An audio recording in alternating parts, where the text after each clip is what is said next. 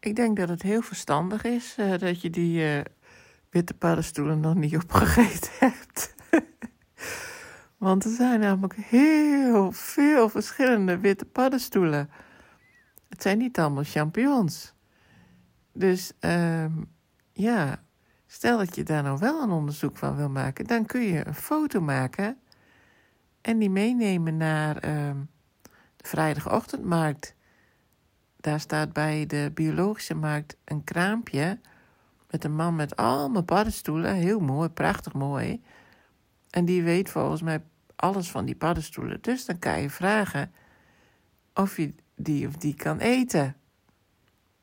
Dus, maar ik denk niet dat jij dat gaat doen. Maar ja, er zijn denk ik ook wel apps. apps voor die herkennen wat voor paddenstoel het is. Want die zijn er ook voor planten. En, en, en vogelgefluit en zo. Er zijn overal inderdaad apps voor. Dus daar kan je ook op kijken of je hem kan eten. Maar ja, zo'n app kan zich misschien ook wel vergissen. Dus ja, ik weet het niet hoor. Of je dat dan toch moet doen. maar goed, als ik niks meer van je hoor, dan is het waarschijnlijk misgegaan.